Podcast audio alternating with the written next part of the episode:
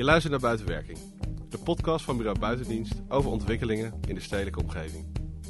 In deze podcast delen wij onze fascinaties over de stad en onderzoeken wij de werking van de publieke ruimte. In onze eerste aflevering hebben wij Tjeerd Andringa te gast. Hij vertelt ons op welke manier omgevingsgeluid invloed heeft op het beleven van de stad. Ook legt hij uit hoe dit in ons lichaam werkt, wat een soundscape is en neemt ons mee in een wandeling door de binnenstad van Groningen. Tijdens deze wandeling laat hij ons in de praktijk horen wat de invloed is van geluid en welke geluiden typerend zijn voor onze stad.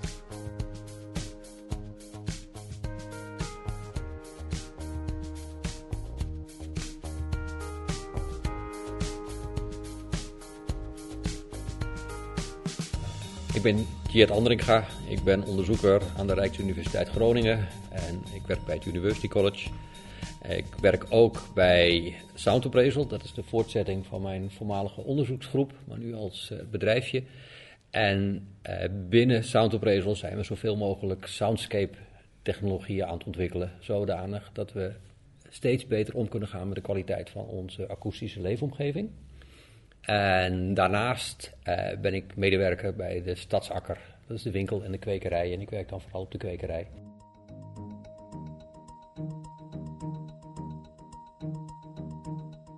Een, een soundscape is de geluidsomgeving zoals je die ervaart. Dus een soundscape bestaat niet anders dan in jouw hoofd en in jouw gevoel. Uh, en zo'n soundscape, die koppelen we op alle mogelijke manieren aan onze stemmingen, aan onze opvattingen over de omgeving. Eh, die bepaalt heel erg, vaak zonder dat we dat in de gaten hebben, hoe we ons voelen en welke dingen we in een bepaalde omgeving graag zouden willen. Dus het is een hele belangrijke en vaak over het hoofd gekeken invloed uh, van de leefomgeving op ons. Het allerbelangrijkste bij geluidsverwerking is dat wij het allergrootste gedeelte van het geluid negeren. Dus als ik goed luister, dan kan ik hier het geluid van de luchtbehandeling horen bijvoorbeeld. Nou, daar luister ik normaal gesproken nooit naar. Ik luister nu eh, naar jullie stemmen bijvoorbeeld. En het maken van die keuze, dat is iets wat heel diep in onze hersenen gebeurt. En normaal gesproken is die keuze prima, geen enkel probleem. Maar stel dat de hersenstam besluit dat jij moet gaan luisteren naar een voorbijrijdende scooter. Dan uh, ben je dus naar die scooter aan het luisteren, terwijl je hele andere dingen wil doen. Nou, dan is die uh, scooter een storend object. En dan word je dus gestoord door die scooter. Maar eigenlijk word je dus gestoord door het feit dat jouw hersenstam een keuze maakt die jouw grote hersenen, het deel wat praat en denkt, eigenlijk niet wil maken. Dus in zekere zin kan je zeggen dat een storend geluid tijd van jou steelt. En, en dat is een hele goede manier om er naar te kijken. Het steelt tijd om te slapen, het steelt tijd om een boek te lezen, het steelt tijd om uh, rustig te genieten van een film, het steelt op alle mogelijke manieren uh, jouw tijd. En in alle eerlijkheid, het gaat dus niet alleen maar om het geluid, het gaat over het feit dat jij dat geluid belangrijk bent gaan vinden. En, hè, en dan pas stoort het. Dus je hebt het geluid nodig, ja, dat is absoluut het geval, maar je moet er ook gevoelig voor geworden zijn. Hè, jouw hersenstam hè, moet dit belangrijk genoeg vinden. En tegelijkertijd natuurlijk jouw grote hersenen moeten het alleen maar onhandig vinden dat je daar je aandacht aan besteedt. Tjeerd legt ons uit hoe geluid wordt verwerkt in onze hersenen. Maar wij zijn benieuwd hoe dat tot uitkomt in de stad. We vragen hem daarom naar de grootste misvatting over omgevingsgeluid. Uh, dat het niet belangrijk is. Dat is verreweg uh, uh, het belangrijkste wat er aan de hand is. Dus wij zijn, we hebben heel erg de neiging om een stad visueel te optimaliseren. En nou, dat moet je ook zeker doen, dus we hebben er niks op tegen. Maar op het moment dat je geluid vergeet, dan ben je dus een, een, een stad aan het creëren waarvan je eigenlijk geen flauw idee hebt over hoe mensen zich daar voelen. Want via geluid heb je veel sterkere invloed op de stemmingen en de emoties van mensen eh, dan via beeld. Dus je bent een beetje het paard voor de wagen aan het spannen op het moment dat je alleen maar het beeld aan het optimaliseren bent. Het omgevingsgeluid uh, bepaalt bijna je beleving. Op het moment dat je in een, een saaie of een, een chaotische omgeving uh, zit, is het heel erg moeilijk om ontspannen te zijn. Want die hersenstam zegt van jongens, dit is niet een goede omgeving, wees alert, wees alert, wees alert. En in die situatie kan je dus het visueel nog zo mooi maken, maar echt lekker zul je je nooit voelen. Omgekeerd, als je in een, een hele goede omgeving bent met heel veel indicatoren voor veiligheid. En die indicatoren voor veiligheid, dat zijn typisch geluiden van andere levende wezens, mensen, vogeltjes, dieren, die dingen doen die ze alleen maar doen als ze zich veilig voelen. En dat, we hebben nou net kippen. En die kippen die maken van die kleine uh, tokgeluidjes. En iedereen zegt eigenlijk van jeetje, wat is dat heerlijk ontspannen. En dat is logisch, want met al die tokgeluidjes zeggen die kippen van ik vind het hier fijn. En die kippen staan allemaal om je heen. Dus in een grote straal uh, heb je allemaal levende wezentjes die zeggen van dit is een goede wereld. En dus kun je dus tot rust komen en dat soort dingen. Na dit mini-college over geluid en de invloed van geluid op onze beleving gaan we de proef op de som nemen. We maken met Cheert een soundwalk door de stad en staan stil op een aantal plekken om te luisteren naar onze omgeving.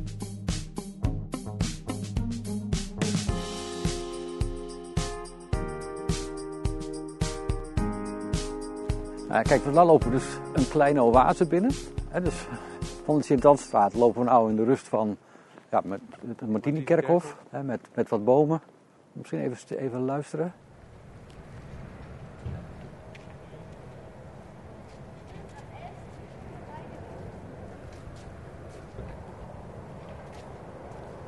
En er zit een verschil tussen die geluiden van dichtbij, die je uh, hier redelijk kunt horen, en geluiden van veraf, hè, waarbij we dus nou, nou de, de ambulancehelikopter weer hebben, denk ik.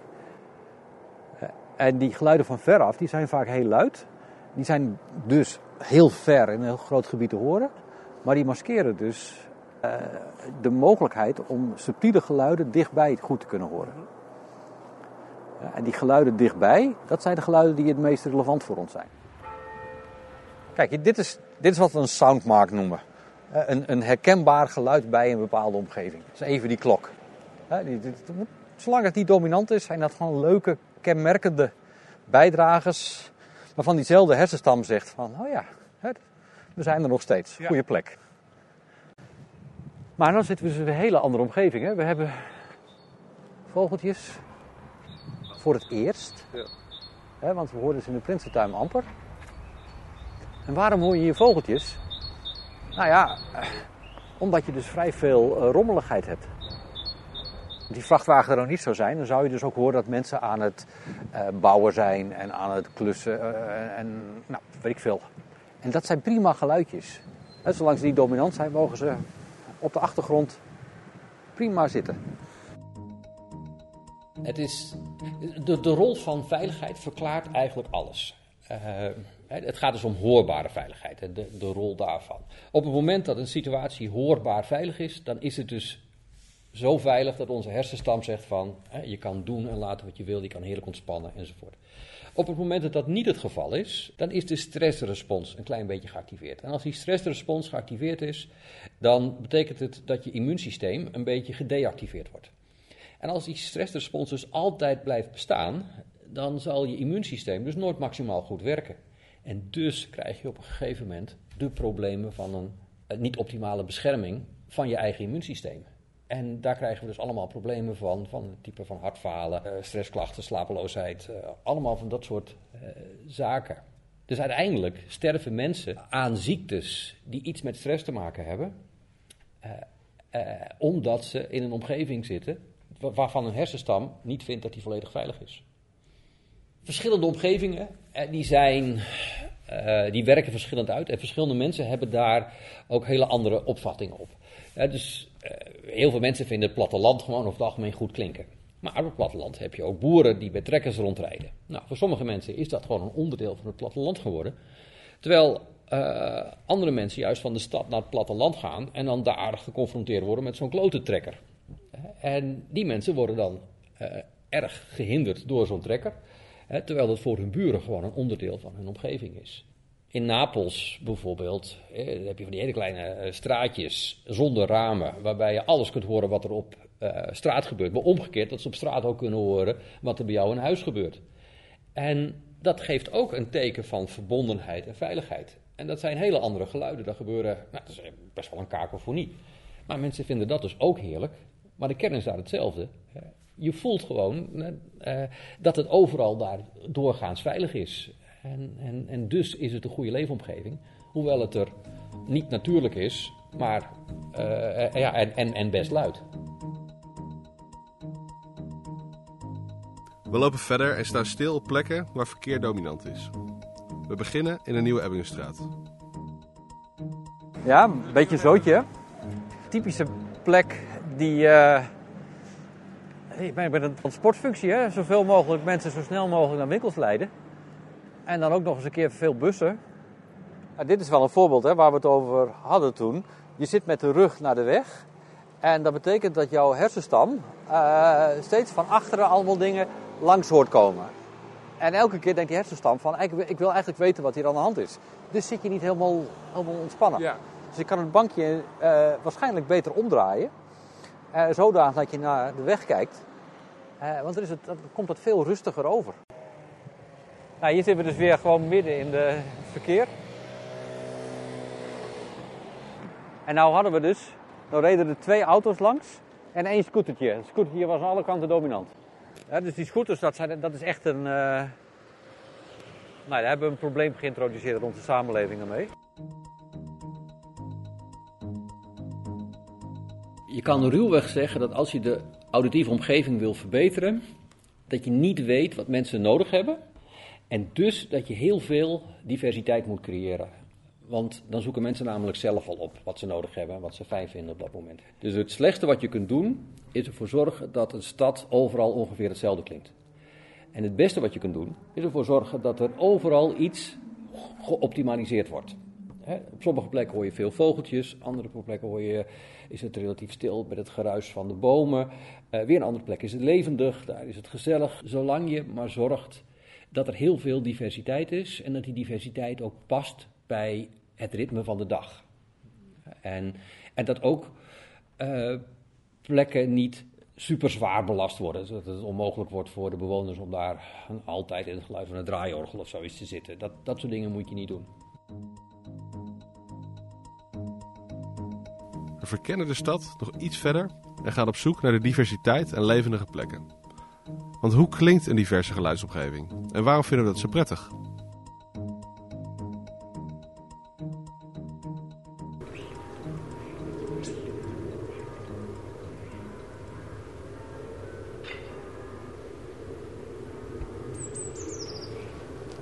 Ja, het slechts een paar aantal vogels. Nou, je hoort het vliegtuig inderdaad. Ja. Dus de achtergrond de kerktoren. Precies, daar is iemand wat aan het, aan het schoonmaken of klussen of weet ik wat. En je hoort dus best, best, wel heel veel stadsgeluiden ook nog, hè, op, op, wat verdere afstand. Ja. Maar eigenlijk is het helemaal niet, helemaal niet vervelend of zo. Nee. En dus dit, dit is wat we een hi-fi omgeving noemen. En een hi-fi omgeving uh, betekent eigenlijk dat je er een heel lang verhaal over kunt vertellen. En een lo-fi omgeving is een omgeving van ja, ik hoor autoverkeer bijvoorbeeld. Ja. Er kan wel veel geluid zijn, maar er is, valt weinig over te vertellen. Ja. en hier, hier hoor je gewoon, ja, de wind is nu. En, maar je hoort ook als je goed luistert de wind door verschillende typen bomen. En uh, nou ja, verschillende vogels.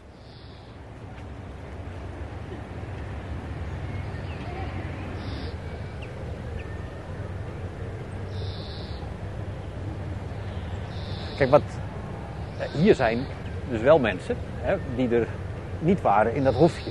En op het moment dat je in die hofje, dat hofje al die mensen zou toelaten, hè, die dezelfde dingen aan het doen als hier, gewoon lol hebben en, en, en, sociaal zijn, dan ben je dat hofje ook, ook ja, aan het aantasten. Dus, dus dit, hier heb je een park, wat akoestisch eigenlijk helemaal niet zo heel sterk is, wat er visueel gewoon en, en, en, en qua functionaliteit heel plezierig is. En dus ja, kunnen hier dus heel erg veel, gebeuren hier vrij veel levendige activiteiten. van, van, van mensen die elkaar ontmoeten en, en lol hebben en wat, wat sporten en nou ja, lekker in de zon zitten. Ja, dus in zoverre is dit dus een, een plek, die is dan wel niet geoptimaliseerd voor, voor maximale rust.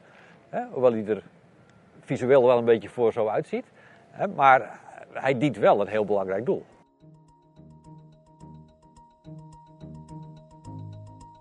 We staan dus nu onder de uh, Martini-toren. En we hebben natuurlijk daar een heel goed carillon. Hè, en daar wordt ook veel goed op gespeeld. Niet dat iedereen het altijd leuk vindt, maar eh, het hoort wel bij de stad. Hè, dus dat is, dat is iets wat je zeker moet houden. Maar er horen nog meer van die eh, niet al te dominante, maar wel kenmerkende dingen te zijn hè, die zo'n stad onderscheiden van de rest van de wereld. Dit is mijn plek, hè, of dit is een fijne plek van anderen. Ja. Hè, dat, je daar, dat, je dat, dat je dat gewoon kan horen. Hè, maar ja, nou, laten we eens- laten we eens luisteren hier. Wat hoor je hier?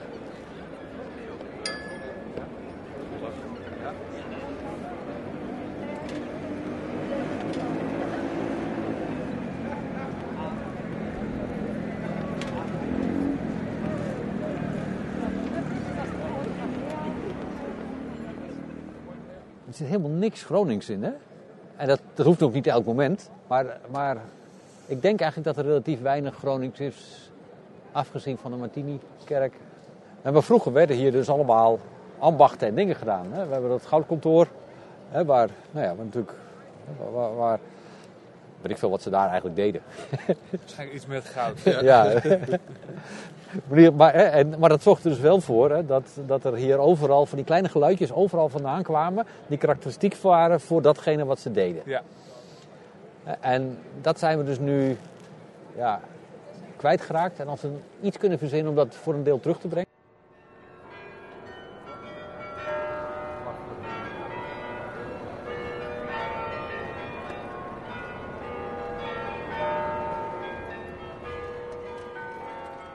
Misschien wel een mooie soundmark om de wandeling nu eh af te sluiten. mee af te sluiten. Hebben we toch eh, even het geluid van Groningen eh Ja. gevangen. Tjeerd heeft ons tijdens de wandeling laten horen welke geluiden typerend zijn voor Groningen. We vragen hem tot slot wat de stad kan doen om zijn soundscape te verbeteren. Als ik zo in Groningen rondloop, dan loop ik hoe dan ook eh, rond in een stad die heel veel dingen heel goed voor elkaar heeft. En die een waanzinnig mooie stad met heel veel eh, eh, goede aspecten en een, en een hoge kwaliteit van leven. Dus daar, dat is het startpunt sowieso. Maar als je naar de geluiden van de stad luistert, je kan bijna niet horen waar je bent. Eh, want het is overal ongeveer klinkt het gelijk. Eh, er zijn maar relatief weinig punten die qua geluid echt geoptimaliseerd zijn in een bepaalde richting. Natuurlijk, ze zijn hier en daar zijn ze wel eens een keer wat anders. Maar wat er aan hoge kwaliteit en bijzondere dingen is, is vaak een beetje toevallig ontstaan. Er zat nooit een idee of een planning of, of, of het, het, bewust bevorderen daarvan achter. Eh, een van de dingen die bijvoorbeeld mensen heel gauw herkennen, is die piano die op de hoek van de vismarkt eh, en de Volkingenstraat soms staat.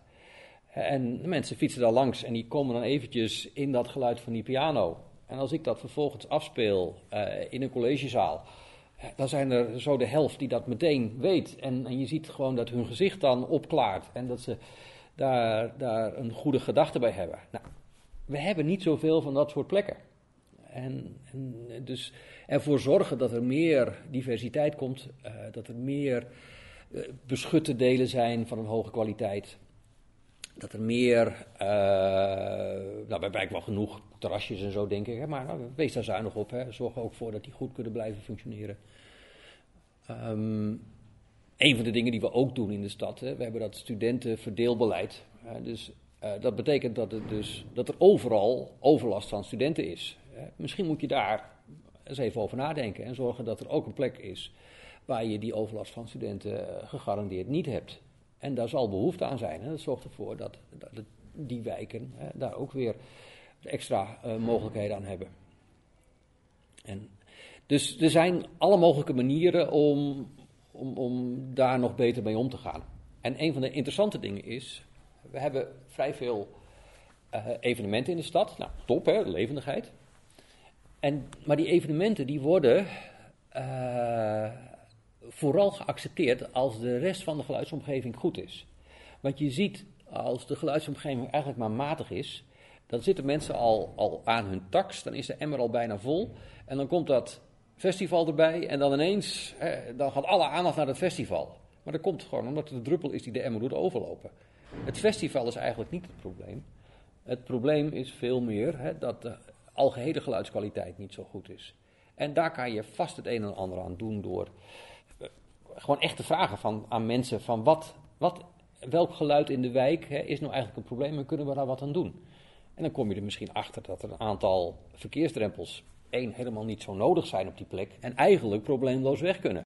En wat wij ook zien is dat het de vele kleine dingen het grootste effect hebben. Het gaat om, om de algehele teneur van de leefomgeving, kwaliteit van slaap, kwaliteit van ontspanning, kwaliteit van levendigheid. En eh, vermijd chaotische en saaie omgevingen. En we zitten daar in de stad, mm, ja, het zit eerder wat tegen saai aan dan tegen, tegen kalm en ontspannen. En dat saaie, dat komt ja, door het toch wat vele verkeer onder andere, maar ook omdat het overal hetzelfde is.